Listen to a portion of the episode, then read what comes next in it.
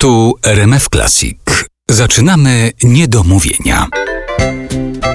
Artur Andrus, witam Państwa bardzo serdecznie. To jest kolejne wydanie Niedomówień w RMF Classic, a gościem Niedomówień jest Krystyna Tkacz. Dzień dobry Państwu. Właściwie powinna ta nasza rozmowa rozpocząć się od takiego głębokiego spojrzenia w oczy i powinienem sprawdzić, czy Ty masz jedno oko zielone, a drugie oko niebieskie.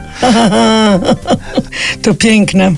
Przypomniało mi się, ja śpiewałam tę piosenkę dużo i na, na scenie, i w teatrze współczesnym. I patrz, jakie to kiedyś były czasy, jak były tylko dwa czy tam trzy programy telewizyjne, że byłam kiedyś na Helu. Podeszła do mnie taka pani bardzo poważnie, powiedziała, ale pani kłamie. Boże, ale co ja pani zrobiłam? O co chodzi? Przecież ma pani normalne oczy. A nie zdarzyło się kiedyś, że na przykład na sali był jakiś okulista, który potem przyszedł i powiedział: Proszę pani, ja wiem, jak to zjawisko się nazywa. No bo ja też sobie Nie, pomyślałem, że bardzo to jest. mi przykro. Ja też sobie pomyślałem, że to jest tak piękna figura poetycka. To mam Tak, jedno oko tak. zielone, a drugie oko niebieskie. Po czym wpisałem to w wyszukiwarkę internetową i okazało się, że to jest heterochromia. Tak się nazywa ta choroba? To nawet Mm. nie choroba, tylko jakaś wada taka. No i już tak poetycko Aha. heterochromia nie brzmi, prawda? Nie, nie, nie, nie, nie, nie. My się trzymajmy raczej tej poetyckiej wersji tego, tego zjawiska.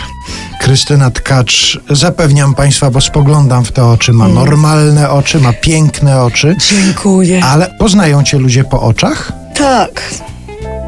Tak. Te oczy się rzucają w oczy od razu. Ale głównie, głównie jednak no, głos przebija. Głos przebija, dlatego że w różnych sytuacjach, no nie wiem, mogę być yy, okutana w jakiś mróz, stacja benzynowa, odezwę się od razu. To pani. A po oczach niekoniecznie. Ale z tym głosem nie było Mm. tak najłatwiej na początku. Zdaje się, że ten głos zmarnował pierwszą szansę dostania się do, Tak. do szkoły teatralnej. Dopiero potem się okazało, że to jest atut tak naprawdę. No wiesz, jak to w życiu.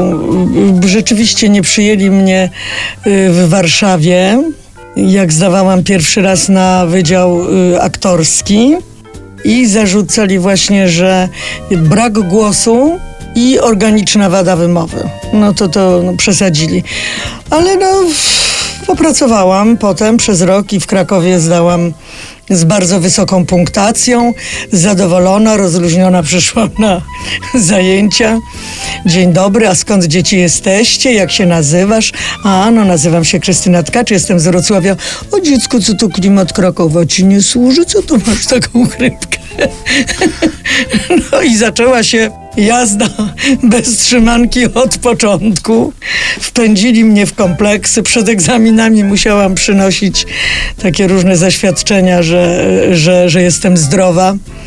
I potem chyba mm, rzeczywiście z nerwów, nie wiem, czy oddech straciłam i głos straciłam, bo uratował mnie profesor Marek Walczewski. To już było na drugim roku. Przyszedł i powiedział: Przepraszam, dzieci, nie oglądałem waszych egzaminów, ale proszę mi powiedzieć wiersz, coście tam, nie wiem, mówili na, na egzaminach. No i ja powiedziałam słowackiego fragmenty Beniowskiego, boże, jak rymuje. Sawa na siodle oparł się i on po prostu po pierwszych zdaniach powiedział: Boże.